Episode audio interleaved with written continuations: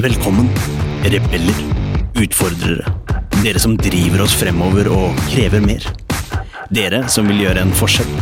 Skape magiske arbeidsplasser med lykkelige mennesker som skaper produkter som kunden deres elsker. Men 75% av nordmenn føler lite eller ingen engasjement i jobben sin. 94% av ledere sier jo at smidighet og samarbeid er kritiske faktorer for at deres organisasjon skal lykkes men kun 6% av dem mener selv at de er smidige. Dette er podden som vil inspirere, gi deg konkrete tips og verktøy som vil hjelpe deg med å skape endringsdyktige organisasjoner med høyt engasjerte og motiverte ansatte som lager uslåelige produkter.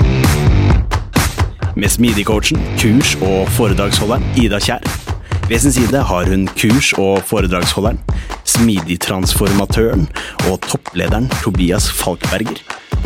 Sammen har de over 20 års erfaring med å jobbe i og lede smidige team og organisasjoner. Nå kjører vi! Hei!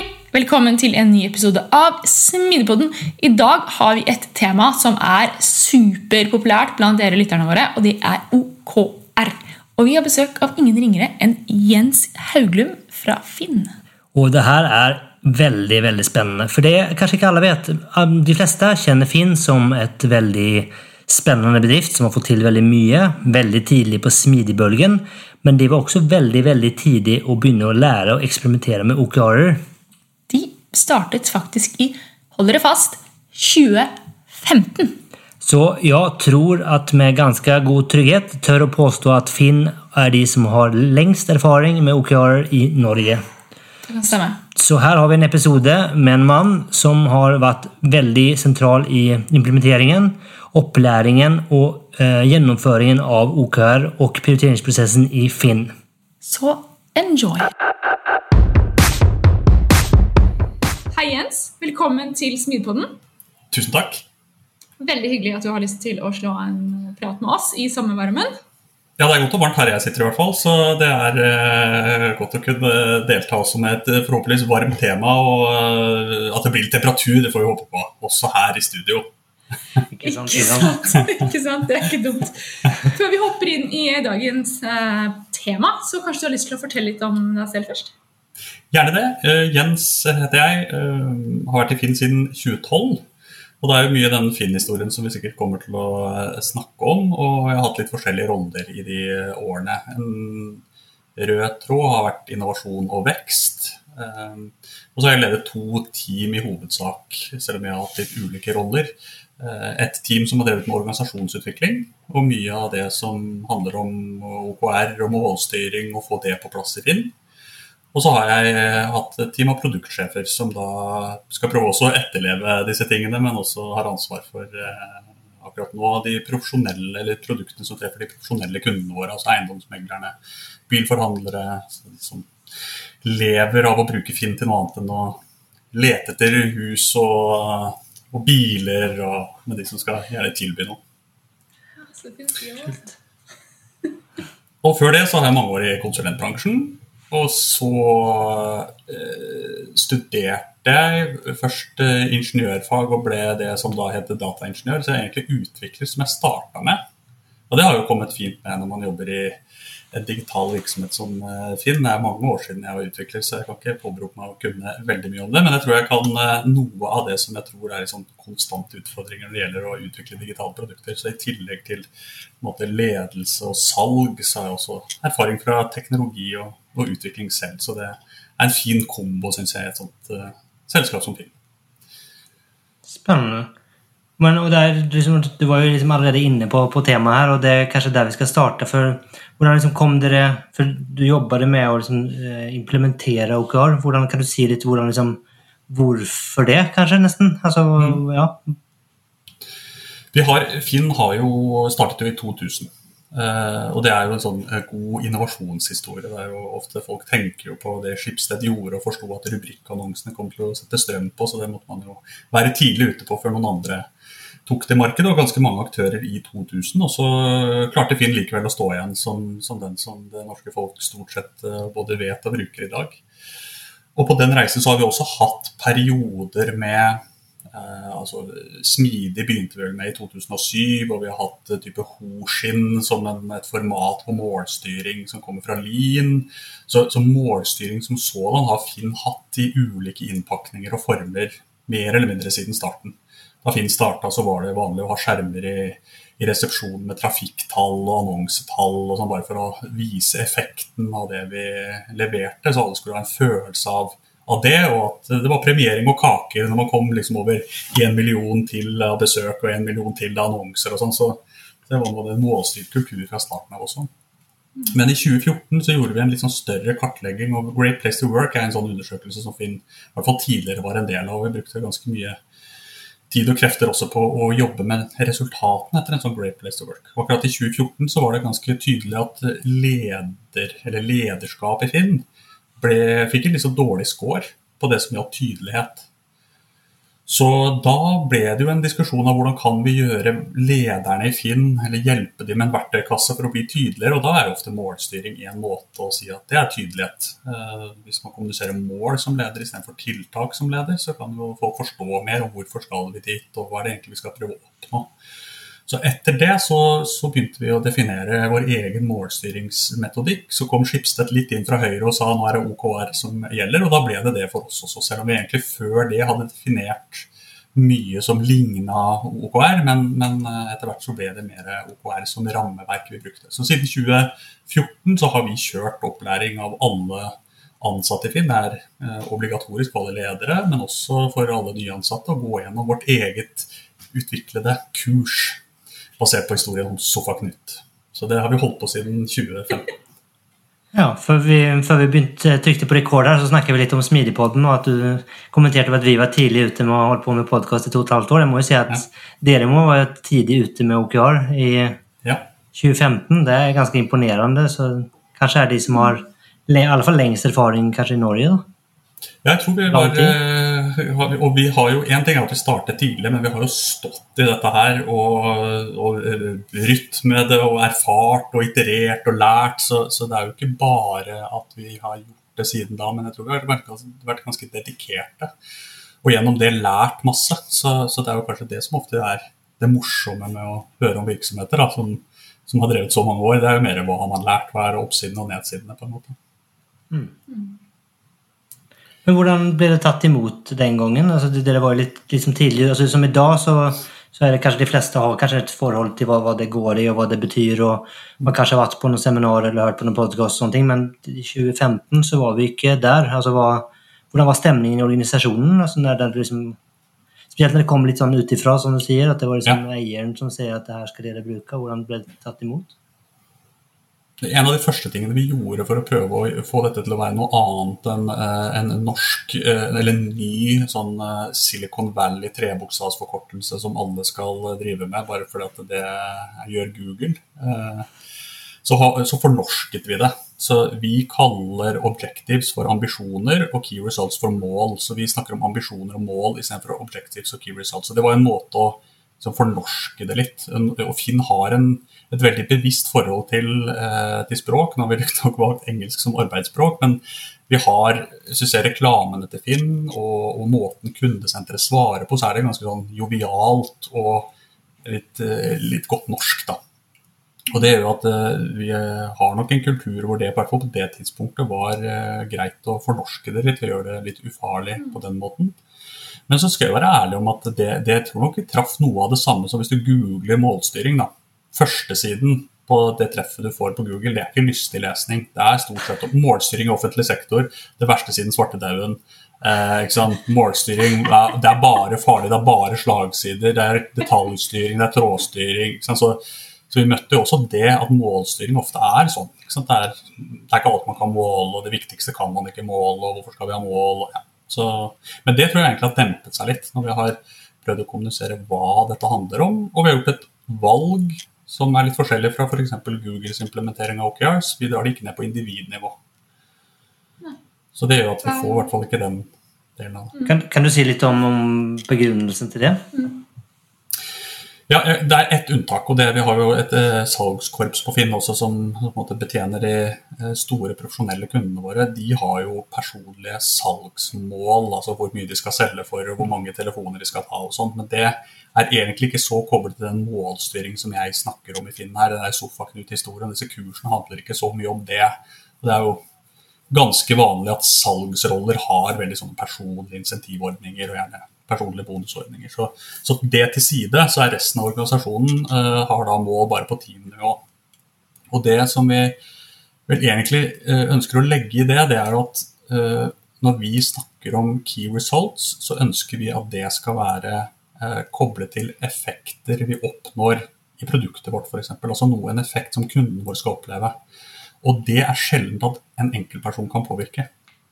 Så det blir, liksom, det blir ikke logisk hvis du skal dra ned det på individnivå. For det er ofte et team som må til, et tverrfaglig team må til for å skape den produkteffekten. Så så lenge vi ønsker at objective key results eller ambisjoner og mål skal handle om effekter for en eller annen målgruppe, en eller annen bruker eller kunde, så, så stopper vi på teamnivå. For det er der kan, det er der du slutter å spore effekten av hva teamet må gjøre da, for, å, for, å, få det til. Individene har ofte ikke noe særlig plass i akkurat det det er en samling av individer som må til.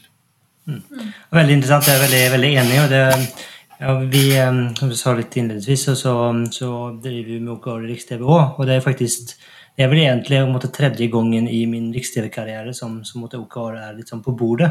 Mm. Og De to første gangene så liksom, grunnen til at vi liksom avskrev de gangene, var egentlig for at måtte, OKR by the book og OKR by Google, så var det på den individ, det var veldig fokus på den individ. Mm. Og det var liksom, det er ikke for oss, det er ikke i henhold til den kulturen vi ønsker. det er ikke den ønsker vi å gå, Så derfor så var ikke OK riktig, da, som kanskje egentlig var mot en, sånn sett en feil konklusjon. Da, men det var liksom der, så, så for oss har det liksom også vært en Vi har måttet gå noen runder da, for å se om okay, men vi kanskje kan vi kan jo stoppe, altså Det er jo ingenting som sier at vi ikke kan stoppe på, på et høyere nivå. da, og det er jo... Jeg syns det er en ganske interessante refleksjoner. fordi En av de stikkordene som er skrevet for denne episoden, er jo målstyring og smidig. Mm. Eh, og smidig så står liksom teamet veldig sentralt mm. eh, fremfor da individet.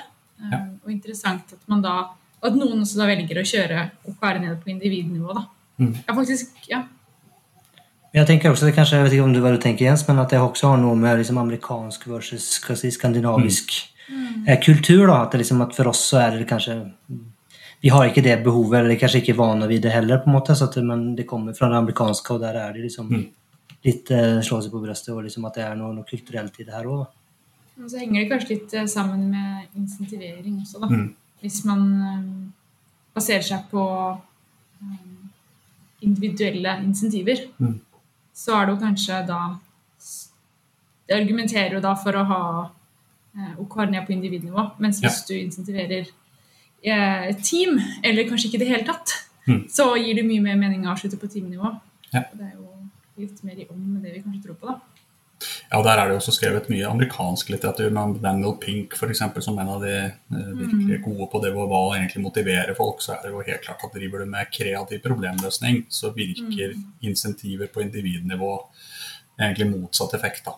Fordi Det du ønsker, er jo, ikke, er jo, ikke, at folk skal bli redd for å ikke nå målene. De skal jo motiveres av noe de skal få til. Men eh, når individet står veldig tydelig rundt hvordan du skal evaluere de målene til syvende og sist, så, så, får du noen uheldige effekter. Mm. Så, eh, så, vi ønsker å stå på, på teamnivå av ja, mange ulike grunner. Mm. Du, litt, eh, du, nevnte opplæring flere ganger. Mm. Kan du si litt om det?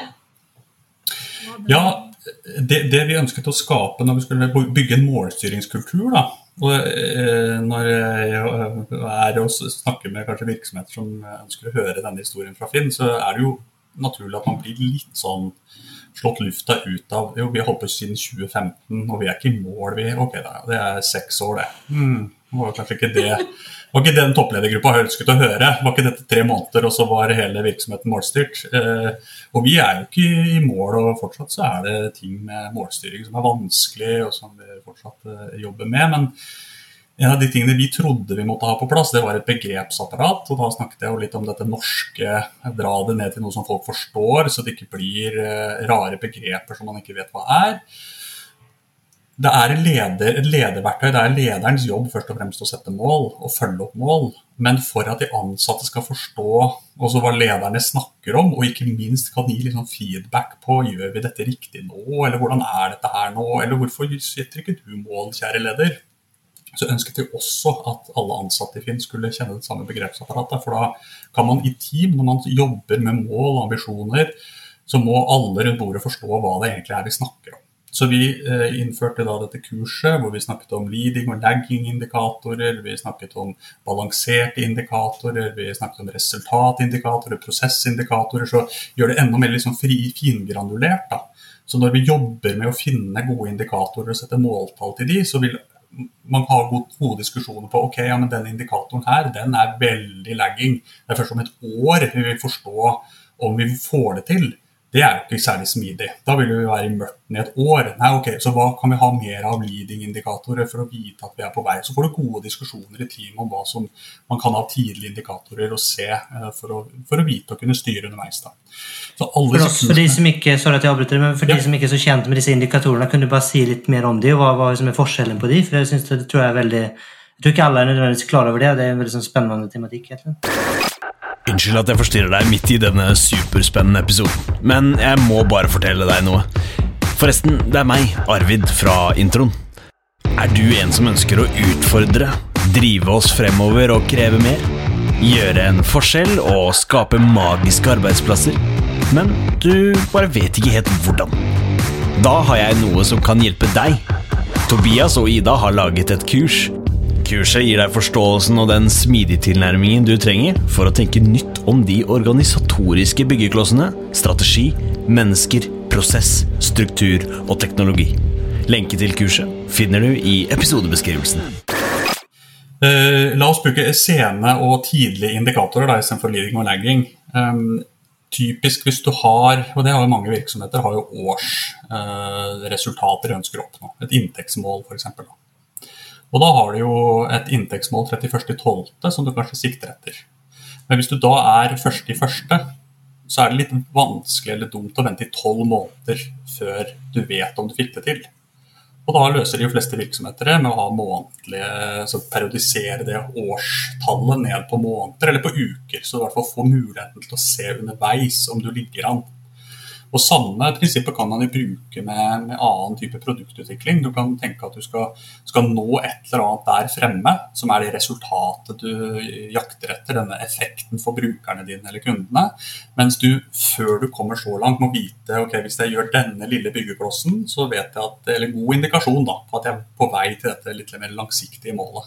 Det er den diskusjonen. Hva er det som gir mening på kort sikt, hva er det som gir mening på lang sikt? Hvordan, hvordan får vi en sammenheng som gjør at vi er i stand til å ta gode vurderinger, kanskje på ukesnivå eller månedsnivå. Det er jo først da som det er liksom lett å få på plass rutiner for team for hvordan de prioriterer, hvordan de gjør jobbene, hvordan de eventuelt uh, endrer retning basert på noe de ser. Fordi de er i stand til å se på en litt kortere tidshorisont om, om de valgene de gjør, uh, stemmer. Da. Mm. Og så har vi eh, balanserte indikatorer som vi eh, ofte har gode diskusjoner i teamene for å utfordre teamene på at ok, hvis vi optimaliserer på denne indikatoren, da, hva er mulige slagsider? Hvis vi bare gjør dette, hva, er det som kan skje som er uheldig virkning? Jo, men da er det kanskje dette som kan skje.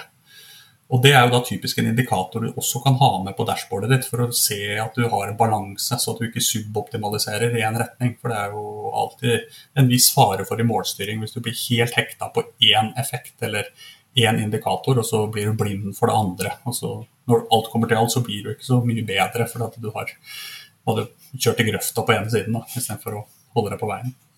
Mm. Men alle disse måte, begrepene og, og, det vi eh, snakker om her, er jo del av det målstyringskurset som vi da har laget i Finn, som er to pluss to timer, så er to moduler. da. Så den første modulen er mer sånn teoretisk rundt Sofa-Knut, som da er en gutt på Nordberg skole.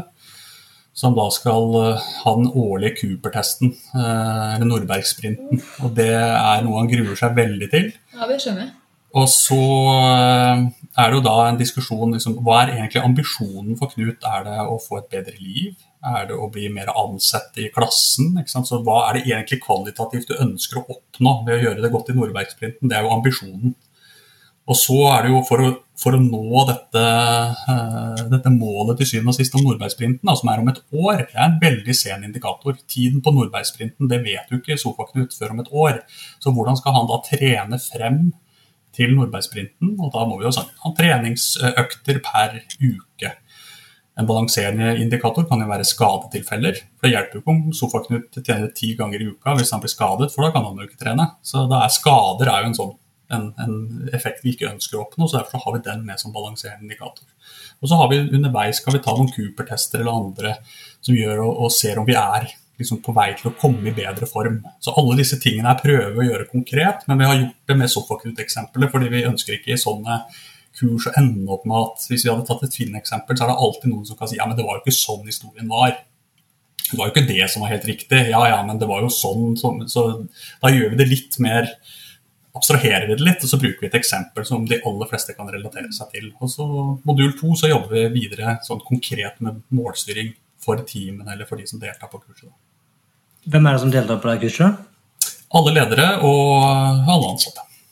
Ja, Så alle er gjennom altså, Og det er en type onboarding, en del av onboardingen din. Når du starter Finn, så, så er det her noe du må, må, må gjennom for å forstå hvordan man styrer måtte, Finn. da. Så 600 stykker har vært gjennom det kurset. Vi har 450 i Finn, og så er det jo noe turnover. Så vi har hatt 600 stykker gjennom dette selvlagde kurset. Imponerende. Så gøy. Hva, hva sier ja, folk når de har vært gjennom kurset? Er de, er de like positive som oss? ja, de er det. Og Sofaknut er jo en uh, morsom karakter. ikke sant? De aller fleste husker Sofaknut. På et eller annet tidspunkt i historien der så blir pappaen til Sofaknut veldig, veldig lei av at han ligger på sofaen. Så da blir det tiltak for å få han i gang med trening, er å selge sofaen på Finn.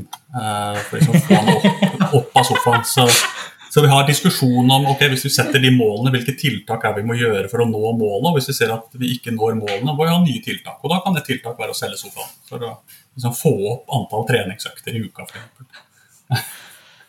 ja, ja. Interessant tiltak. Kanskje det vi skal gjøre, Ida? Selge sofaen? Ja.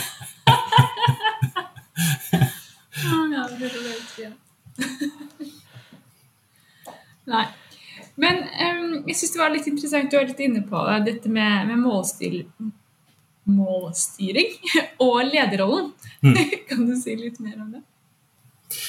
Ja, For oss har det vært en sånn, det, kanskje det er det, noe av det tøffeste i implementering av målstyring. Det er å koble det til hva lederne skal si, bør gjøre. Um, og de, veldig mange ledere blir jo forfremmet til ledere fordi de har gjort det veldig bra innenfor en eller annen rolle, hvor de kanskje har hatt som oppgave å definere disse tiltakene. Hva er det vi bør gjøre da, for å få dette til? Kanskje det har vært en knakende god produktsjef som har jobbet veldig med ok, da gjør vi det sånn, og da gjør vi det sånn. Som leder så ønsker vi at du kommuniserer mål og ikke tiltak. Eh, for hvis lederne kommuniserer tiltak, så er jo egentlig målstyringen spill litt fallitt. For hvis du sier fra scenen i Finn at uh, i år skal vi gjennomføre prosjekt A. Da er det jo egentlig opp til resten av organisasjonen å gjennomføre prosjekt A. da. Det er ikke så veldig mye kreativitet som ligger i å gjennomføre et allerede definert tiltak. Men hvis lederen står og sier i år så skal vi øke uh, antall besøk på Finn med 10 så blir det opp til organisasjonen å finne de tiltakene som skal til for å nå det målet. Så det du gjør da ved å kommunisere mål som leder, er at du åpner opp den derre vær så god, her er utfordringen. Eh, finn innsikt, finn ideer, eksperimenter. Gjør alt det som vi ønsker at ansatte i Finn skal bidra til. Det er jo vi har jo ansatt dyktige folk med masse gode ideer og kreative kunnskapsmedarbeidere. Så, så som leder så lukker man jo rommet hvis man snakker om tiltak. Man åpner det hvis man snakker om mål. Og man åpner opp for kreativitet og innovasjon og alt dette som, som kommer som positive tilleggseffekter. Da. Så Det er kanskje den viktigste delen av å prøve å få lederen til å bli målstyrt. det At vi klarer å motivere folk på en annen måte. Og få talentene til å trives godt i Finn og ikke begynne et annet sted. Mm. Uh, og så er det ikke alltid lett å få til det. og det er Noen ganger som leder så kan du få lov til å si tiltaket er dette, men vi ønsker liksom mest målstyrt ledelse og ikke så mye tiltaksstyrt. Har du noen konkrete tips på hvordan man kan få det til? For jeg, jeg, liksom, refleksjonen din om at det er kanskje mange som har kommet fra et fagområde og vært veldig gode på det. Vi er kanskje til og med allerede fra skolen blitt liksom målt på, på um, output eh, og ikke outcome, og kanskje til og med at du har vært enda verre som, har vært, som jeg har vært gammel konsulent, så blir man til og med målt på input, hvor mange timer man fakturerte. Det var ingen som spurte om du skapte noe, hva du har gjort, eller om du skapte noen effekt, men hvor mange timer du fakturerte. Det, er jo liksom, det ligger jo en lang historikk her som du skal liksom endre en atferd på. Liksom, det er jo ikke så lett. Nei, Det er jo derfor det har tatt seks år. ikke sant? Og det er derfor vi ikke er i mål. Så jeg tror det er dette her som er liksom den store bøygen for de aller fleste virksomheter når det handler om målstyring. Det er å få lederne til å bruke dette verktøyet og bruke det på riktig måte. Eh, og så er jo eh, kanskje særlig hvis du er toppleder, da, så har du tross alt lykkes. Og her er vi virkelig i en sånn atferdspsykologi. Altså, jo eldre du blir, og jo mer suksess du har, jo mindre villighet er du til å endre deg. Det er jo liksom vi fra naturens side. Jeg hadde tidligere en kollega som var biolog. Det er jo ganske enkelt forklart at eh, endringsvilligheten vår går ned jo eldre vi blir. Og hvis vi liksom har kommet til et punkt i livet og er ganske fornøyd med oss selv, så er det et resultat av alle valg vi har tatt historisk. Så hvis du kommer til en leder og sier at nå skal du lede målstyrt, og så er dette en leder som har et kjempesuksess med å være tiltaksleder, så er ikke det så lett. Du, liksom, du toucher borti ganske sterke krefter hos individer. ikke sant? Uh, og det tar tid. Og det er jo ikke alltid at løsningen er at folk skal endre seg uh, liksom 90 eller 180 grader. men men, men, er det her disse her arbeidene handler om å prøve å vise da, hva kan skje, hvilken effekt får du som leder hvis du kommuniserer dette målet til teamet og inviterer de til å komme med ideer. For er du tiltaksstyrt som leder, så har du i prinsippet hatt en idégenerering med deg selv. Mest sannsynlig. I dusjen eller på jobbet, joggetur eller Så det du har gjort, er at du har gjort den jobben som i en kunnskapsbedrift du helst bør overlate til de folkene du har. Det og de fleste som har gått på en eller annen, eh, en eller annen eh, skal vi si, økonomiutdannelse eller strategi eller MBA, eller noe, de har jo lært mye rammeverk som uh, hører til strategifaget fra 60-tallet. Og da er det jo litt fra en annen verden, hvor det var jo mer produksjonsbedrifter, ikke kunnskapsbedrifter. Så mye av disse rammeverkene som jeg tror også en del av lederne har fått med seg fra skolen, er jo ikke nødvendigvis målstyrt ledelse. Og så begynner det å komme mye mer av det. Altså. Det er en ganske treg materie å få virkelig disse mm. skolene som utdanner ledere til å snakke mer om hva effekten av målstyring kontra tiltaksstyring er. Mm. Men det er liksom kanskje en fin bridge over. for at um, Jeg tipper jo at dere har jo noen eiere, og dere har et styre, og så har dere en ledergruppe. Så det kommer jo noen form av strategi mm. eller utenfra. Hvordan, liksom blir det, hvordan er linken til, til OKR, og hvordan jobber dere liksom fra strategi da, til, til, mål? Ja. Eh, det er den andre tingen som tar tid. Det er å få denne koblingen og de sammenhengene. Og, og vi startet faktisk med å prøve å få liksom, alt henger sammen med alt.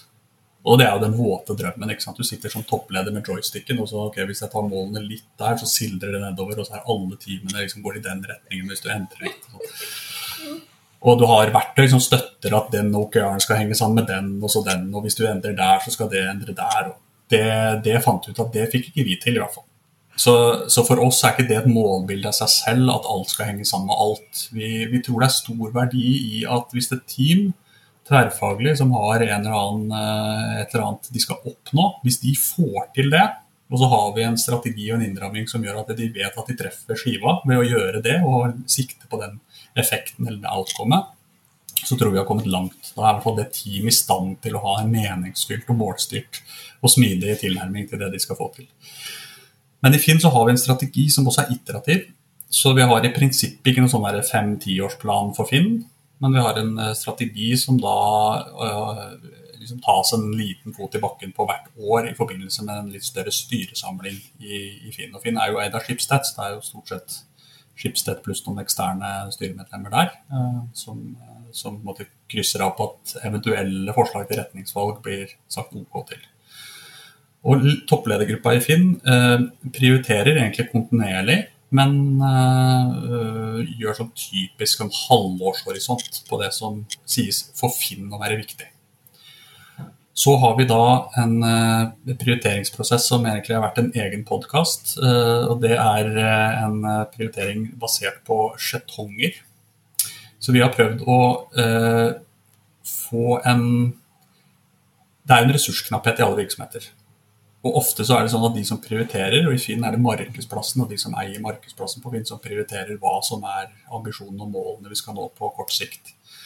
Men de, ikke, de sitter jo ikke og ser hvor mye koster dette i form av utviklingstimer for å nå. Så Tidligere så hadde vi jo faste kvartalsvise prioriteringer hvor da eh, insentivet fra de som prioriterte, var å prioritere mest mulig.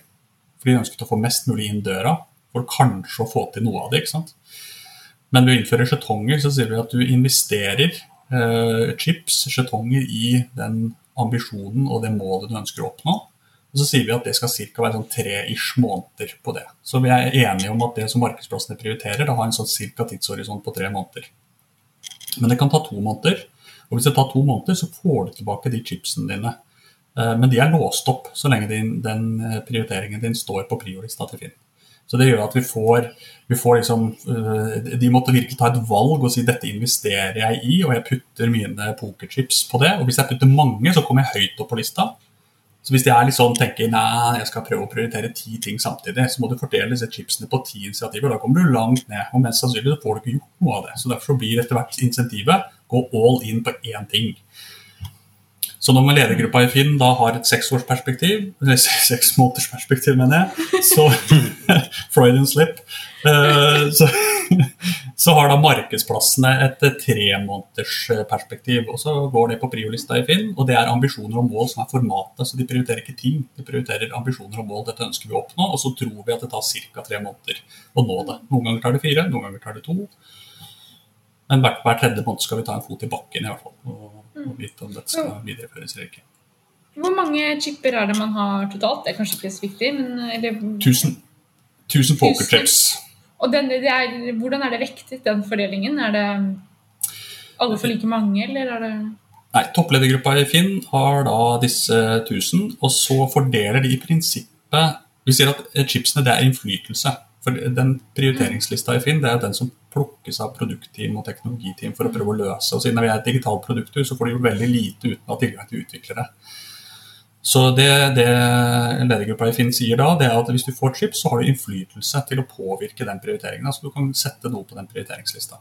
Mm. Så i prinsippet så kan kundesenteret få, eller ja, hvem som helst i Finn egentlig, hvilken avdeling som mm. helst. Men akkurat nå så er det salg, produkt og teknologi som har da eh, chips, og Kaja, som eh, leder produkt, hun eh, fordeler det da mellom markedsplassene i, i produktavdelingen. Og så blir det en, en vekting ut ifra er f.eks. posisjonen vår på torget truet av konkurrenter. Ja, kanskje skal torget få enda mer innflytelse, for da kan de komme høyt opp på lista og være sikre at de alltid får hjelp til å løse de tingene de prioriterer. Så så det er egentlig bare en, en, vurdering basert på noen kriterier. Hvem er det som skal få mest av disse skjetongene? Og de som får mest, de vil jo kunne komme øverst på lista og prioritere. Jeg er ikke redd for en sånn uh, intern markedsplass da, med hvor chipper selges og Jo, men Det blir jo litt gaming i det, men det tenker jeg det er i alle virksomheter, om du har chips eller ikke. Og, mm. og det vi ønsker med den prioriteringslista, det er at det er transparent hvem som kan mm. prioritere. Eh, og hvor stor innflytelse de har. For hvis, hvis det kommuniseres til organisasjonen at torget har mest innflytelse, da vet vi ok, men det er torget som er den viktigste markedsplassen akkurat nå. Så den, det er en god kommunikasjon rundt det. Og så er det klart at det, det kan jo noen oppleve som litt sånn rar gaming med chips inn og ut og sånn, men vi har i hvert fall eh, tenkt at det er det beste vi kan få til uten å måtte samle alle i ett rom og ha sånn hvit røyk, paven er valgt, nå er prioriteringslista klar. Så, så, da sier vi heller at la oss spre den makten til å prioritere ut, enn at det skal sitte liksom noen inne på et mørkt rom og bestemme seg for en liste. Så det blir veldig visuelt. altså det er jo ja. Ja, litt seremonielt òg, kanskje. Ja. ja, på mange måter rettferdig også. Ja, ja det er jo i grunnen det. Mm. Um, vi snakket litt tidligere om at dere ikke har OKR-er på individnivå, og så har dere på team, men har dere OKR-er på andre nivåer òg? Hvordan ser den liksom Er det noe hierarki av OKR-er, om man kan bruke det begrepet? Ja. Det blir jo på en måte det, for den priolista til syvende og sist er jo det som uh, store deler av Finn forholder seg til. Dette er liksom Finns prioriteringsliste. Og Den består jo da av OKRs i form av ambisjoner og mål. Så formatet på det som står på den priolista, er OKRs. Og Der har ledergruppa muligheten til å prioritere, og der har vi sagt at eh, ledergruppas prioriteringer den, den kommer alltid øverst. og Det har vært en diskusjon. ikke sant? Men Da har vi holdt av noen slåtter på toppen av den prioriteringslista. Det er ledergruppa i Finn eh, som, som, bestemmer hva som skal stå der. Og Da bestemmer de sine OKRs basert på den samme prioriteringsmekanismen. Og så er det jo da eh, Markedsplassene for øvrig har jo da også mulighet for å prioritere inn eh, OKRs på samme lista. Og det er jo en viss sammenheng i det, for ledergruppa kan jo uttale noe som kanskje er et litt, litt større eh, initiativ eller OKR som dekker hele Finn. Og så kan det være en markedsplass finne ut at det der, det har jeg også en del av. Så derfor så prioriterer jeg et OKR på mitt nivå, som egentlig har en kobling til det. Men det er ikke sånn at det er en at ledergruppa, og så risler det ned da masse OKR som understøtter bare det. og Det er litt tilbake til det jeg sa om at vi tror ikke helt vi klarer å få den koblingen til. Vi prøvde i starten, men eh, nå har vi egentlig sagt at det er mer eh, det er kanskje mer nivåer i organisasjonen som prioriterer, men det som kommer ut, er på samme format. Uten at det er en intern, kompleks sammenheng mellom dem. Mm. Men um, jeg tenker på på innovasjon. Innovasjon er jo utrolig viktig for, for Finn. Og så kan jeg se for meg kanskje at når man har denne type prioritering, så er det fort gjort å liksom prioritere det som man føler mest eh, konkurranse på eller trykk på. Mm. Liksom er der du setter mm. um, innsatsen. Og hvordan balanserer dere det med innovasjon? Veldig godt spørsmål. Og det er vel kanskje der ledergruppa i Finn uh, har sin viktigste jobb i det de prioriterer på den prioriteringslista, de OKR-ene som de setter. Eh, Finn akkurat nå står i en ganske stor endring, kanskje den største endringen siden vi starta i 2000. og Det er jo at vi skal gå fra å være denne lyktestolpen for annonser, at du legger ut en annonse og noen søker etter den, til at vi også skal ta eh, det helt til folk har betalt og fått varen hjem. Så det blir som alle e-handelsaktører, hvis du kjøper nye ting, de, de, tar jo det som en helt naturlig del av deres verdiforslag. Det er at du skal sørge for en trygg og sikker betaling, og at du får varen hjem som du forventer. Um, og det å, å, gå transaksjonelt, som vi kaller det, da, det er en ganske stor endring på Finn. For det er jo ikke der det kommer fra. Uh, og det er det OKR som ledergruppa i Finn nå har satt. Det handler om å bevege seg dit. Og det er en reise som kommer til å ta lang, lang tid. Så de, definerer de da OKRs på en litt kortere horisont enn disse ti årene frem i tid, som det kanskje tar. hvem vet. Så, så det er uh, den viktige å jobbe til ledergruppas prioritering. Mm. Supert. Og så eh, tenkte jeg, Vi var litt inne på det i stad. eh, og det nevnte litt rundt at eh, dette med læring, at dere har lært mye. Mm. Har du lyst til å si noe om det? kunne vært interessant uh, å høre dine refleksjoner om det. Liksom, hva er det som dere har funnet ut at funker skikkelig bra og funker ikke? Du har vært litt inne på det, men mm. Eh, jeg har jo nevnt dette her med eh, at alt skal henge sammen med alt, så det ikke mm. nødvendigvis var noe vi klarte å få til. Det kan hende at andre får det til, altså, så det er ikke sånn at det betyr at ikke det er lurt. Men, men, eh, men vi fikk det ikke helt til. Mm. Og det vil også innebære en viss sånn Det må administreres. da. Én ting er å sette de målene, og det er egentlig en læring sånn totalt sett for all målstyring. Det er at det å definere målene på ett tidspunkt i tid, relativt enkelt. Så på ett tidspunkt i tid, hvis en hel ledergruppe møtes og en utvida ledergruppe møtes og alle teamene møtes på Høyfjellshotell, så hadde vi sikkert på søndag sagt at akkurat nå så sto liksom stjernen i perfekt orden. Nå var alt hang sammen med alt. Og så kom vi på jobben på mandag, og så begynte én del å bevege seg, og så falt hele korthuset sammen. Så jeg tror nok det er i en smidig og iterativ verden så er det liksom tror jeg litt sånn illusjon om at alt i enhver tid kan henge sammen med alt. Og der tror jeg nok der læringen vår var at må vi, bare, vi må senke skuldrene litt på akkurat det målbildet der. Men likevel, det som består som utfordring, og som er en læring eh, for oss, det er jo at eh, det vanskelige målstyringen, det er oppfølgingen. Det er ikke å definere de målene. Det er å definere det på et eller annet tidspunkt i tid, også for et team. Det er skal vi si, relativt enkelt, men det er jo først når dekket treffer asfalten og dette begynner å utvikle seg i en eller annen retning man ikke trodde skulle skje, da, så må man jo kunne hanke det inn igjen ikke sant? og ha det gode diskusjoner om hva gjør vi nå. Mm. Ja, for det er interessant. Hvordan bruker dere um, OKRs i hverdagen? Mm. Jeg hadde akkurat nå en, eh, en samling med produktsjefene som jeg har ansvar for. og det, Da har, vi hatt en halvdagssamling nå om, eh, om OKR. Og en ting er jo at jeg har et sånn overordna si, OKRs for den eh, delen. Er ti produktsjefer som hver seg hjelper til med å nå det målet vi skal oppnå sammen. Og det vi skal oppnå sammen, det er jo mitt ansvar. Å sørge for å ha gode, fornuftige ambisjoner og mål som den gruppa eh, finner mening i. Mm. Eh, men jeg har, eh, jeg har annenhver uke så har jeg fot i bakken med, med produktsjefene rundt de ambisjonene og målene. For å ha gode diskusjoner på hvordan vi ligger an på det. Så er de på teamnivå. De har noen ganger eh, ambisjoner og mål som treffer veldig godt på det vi har felles, men vi er også helt eh, ærlige på at noen ganger så har du det eh, har du noen andre i tillegg. Så på teamnivå så kan det hende at det er noen andre ting, enten i kortere eller lengre perioder, som er litt annet enn det vi har felles.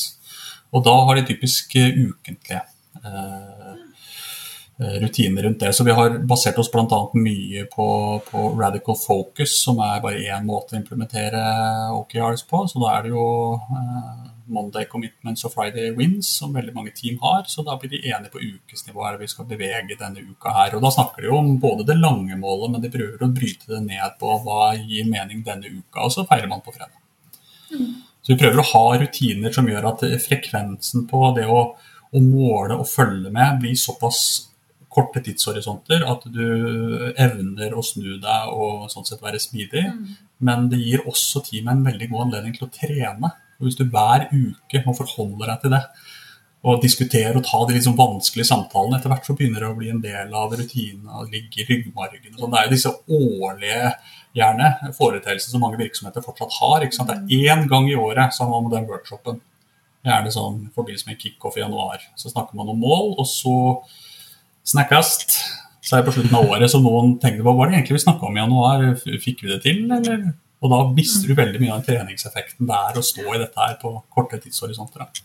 Mm. Er det noe som har endret seg over tid for dere òg? At dere liksom har blitt si, bedre ja. på det, eller har kortere syklus? Yes. Det tror jeg har vært en, en starten så var det liksom Ja, for starten var det mye altså Du kom dere fra liksom, med, hva skal jeg si, en lengre syklus, og, og det ble ja. naturlig at det var mm. Yes. Mm. Men er det sånn du, eh, Jeg tror du nesten ikke svarte på spørsmålet mitt, men er det sånn at hvert team selv kan få bestemme hvordan de ønsker å jobbe med mål ja, vi har faktisk eh, Det er også Kanskje vi tar litt sånn for gitt i Finn, med hvor, hvor, langt ned skal vi gå med å etablere Sånn gjør vi det. Vi, vi, har sagt at ambisjoner og mål det er det som er formatet. Og så har vi sagt litt om hva kjennetegner en god ambisjon, hva kjennetegner gode indikatorer. Eh, men sånn som Radical Focus var ett team, en produktsjef som virkelig ble kjempeengasjert i og testet ut.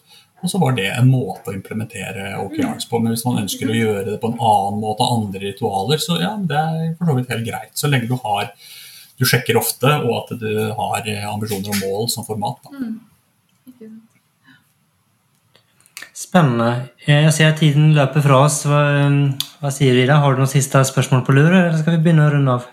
Det går fint. Vi kan begynne å runde av. Jeg syns det har vært kjempespennende. Ja, så bra. Veldig. Veldig inspirerende. Ok, da. Er du klar? Yes, det første spørsmålet, Jens, det er hva ville du fortalt 20 år gammel deg selv? Jeg ville jo tenkt at eh, ta det litt mer med ro, slapp litt mer av. Det er Ting ordner seg, og ikke ta verken deg selv eller ting så veldig alvorlig. Det tror jeg har blitt bedre på jo eldre jeg har blitt.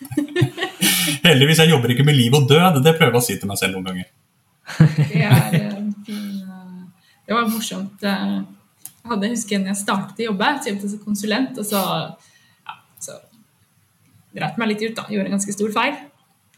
Og så kom jeg liksom med halen mellom beina til, til sjefen min, og så sier jeg bare sånn Å, jeg har gjort skikkelig feil. Så ser han på meg og sier bare Er det noen som har dødd? jeg bare Nei. Han bare Ja, da går det bra.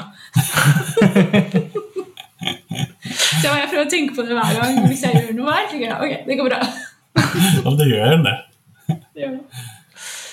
Good. Hva tenker du kjennetegner en god leder? Um, jeg syns selv jeg finner mye mening i de to begrepene vi bruker i Finn rundt hva godt lederskap er. Det er tydelig og ivaretagende. Så ta vare på folkene dine, sørg for at de har det bra. Og da er tydelighet ofte liksom i god balanse med det. fordi jeg tror folk også har det bra hvis de vet hva som er forventet av dem, hva, som, eh, hva vi skal prøve å oppnå. Uh, og så må man skape litt rom da, for at man kan bidra i det uten å oppleve at man blir liksom, råstyrt. Mm. Hva vil du gi som tips da, til de som ønsker å etablere en mer endringsdyktig kultur? Jeg tror at det er altså Jeg var jo snakket med noen offentlige virksomheter her for ikke så lenge siden. og Der er det jo også noen strukturer rundt som gjør at eh, det der med å være endringsdyktig og det å kunne snu seg eh, og sånn sett være smidig, er ikke så lett. For det er jo noen sånne ritualer vi fortsatt har. da, Årlige budsjetter, f.eks som gjør at uh, det blir kanskje årssyklus som er det, det korteste tidshorisonten vi kan endre oss innenfor. Men å jobbe med å prøve å bryte ned de strukturene som gjør at man måtte, låser seg på noen liksom lengre tidshorisonter. Så I Finn så har vi jo gått over til dynamisk styring, så vi har ikke disse årlige budsjettene lenger f.eks. Og det har hjulpet oss veldig. Vi har kontinuerlig prioritering. Eh, så veldig tydelig korona da den traff oss i fjor. Hvis vi hadde hatt sånne kvartalsvise prioriteringer Oi, det hadde vi akkurat prioritert jo når, de, når korona kom. Hva gjør vi nå? Vi venter et kvartal. Men da var jo alle kom på gjennomkontor, så var vi vant til kontinuerlig prioritering. Derfor var det ikke så vanskelig å snu seg da. Å være sånn sett smidig som organisasjon. Fordi noen av disse her kvartalsvise, halvårlige, årlige seremoniene, de var jo ikke der. Mm. Noen bøker, bøker, lydbøker eller podkast du ønsker å anbefale? Jeg, jeg, jeg, leser ganske mye, så jeg prøver å kombinere sånn eh, faglitteratur og produktutviklingslitteratur med litt sånn Hva er det egentlig vi som mennesker eh, Hvordan funker vi? Og særlig dette med, med det å ta feil er jo en sånn vanskelig sak for oss mennesker. Så litt sånn psykologi og for så vidt filosofi. Men 'Thinking Fast and Slow' med Daniel Kahneman syns jeg er en av de som virkelig har eh, gitt meg mye. Eh, både som leder, men også som produktutvikler. Hvor forutinntatte vi er, hvordan fungerer hjernen vår egentlig. Det er masse interessant i, i hvordan vi hvordan uh, måte, tar vi informasjon, hvordan behandler vi informasjon. Veldig fin mm. bok å lese og reflektere rundt. Og så er det en sånn produktbibel som jeg syns er bra, som en uh, Donald Reinertsen uh, Product Development Flow, som er veldig god på å prøve å, å gi produktledere håndverket produktledelse, men også koble det til hvordan er det du egentlig bør prioritere prioriteringsmekanismer og sånt som jeg synes er en sånn. Det er en veldig tunglest bok, men en veldig god bok. Hmm. Interessant. Den har jeg faktisk ikke hørt om, tror jeg. Det hørtes jo um, Det er et komplekst fagfelt, det høres jo ja. ut som at Kult. Da skal vi få linket opp de bøkene, så kan man bare klikke på de. og så kan man få Ja, det. gjør det. Da får jeg sikkert prosenter av det, får jeg håpe. masse, masse prosenter. Eh, masse, på den får i hvert fall noen prosenter. ja, det får håpe det. eh, men 'Thinking Fast and Slow' er faktisk på min leseliste. Den ligger, på, ligger, på, ligger i um, bokhyllen. Ja. Eh, så den, eh, den, er, den, er, planlagt for sommeren. Så bra. Det er bra du anbefaler den. Så, Men helt til sist, da, hvis man har lyst til å komme i kontakt med deg, hva gjør man da? Eh, jeg tenker at LinkedIn er et veldig fint eh, sted. Der er jo, kan man sende meldinger, og, så der, eh, der er jeg tilgjengelig. Så bra. Jeg skal linke opp i det. Ja, det har vært strålende. Det har vært supert å ha deg på besøk. Kjempeinspirerende. Og takk for det. Veldig gøy å prate med dere. Og veldig stor takk. Det var veldig, det, det bobla litt i hodet mitt. Det var liksom veldig spennende med mange ting dere gjør som, eh, som jeg har lyst til å teste litt selv eller i, i jobben min. Så jeg tror at så det, det, var veldig nyttig, så jeg håper at de som har lyttet, syns at det var like spennende som vi, vi syns at det var. For her var det mye, mye læring å ta av, så det er veldig kult. Mm. Takk for det. Så med det så sier vi bare ha det bra. Det gjør vi. Ha det bra. Litt. Tusen takk for at du lyttet på denne episoden av Smidpodden. Dersom du likte det du hørte, så abonner på Smidigpodden, da vel. Da får du masse mer av denne type innhold i fremtiden. Dersom du har lyst til å støtte Smidigpodden fremover, så gå gjerne inn på linken under og eh, ta kurset vårt. Du kan også så klart bruke noen av linkene under til bøkene som gjestene våre anbefaler. Det er affiliate links, og det betyr at Smidepodden får ei lita krone når du kjøper en bok, men du betaler så klart ikke en krone mer når du handler. Så med det så ønsker jeg deg en fortsatt fantastisk dag eller kveld, hvor enn det er du befinner deg i denne store, vide, vakre verden. Ha det bra!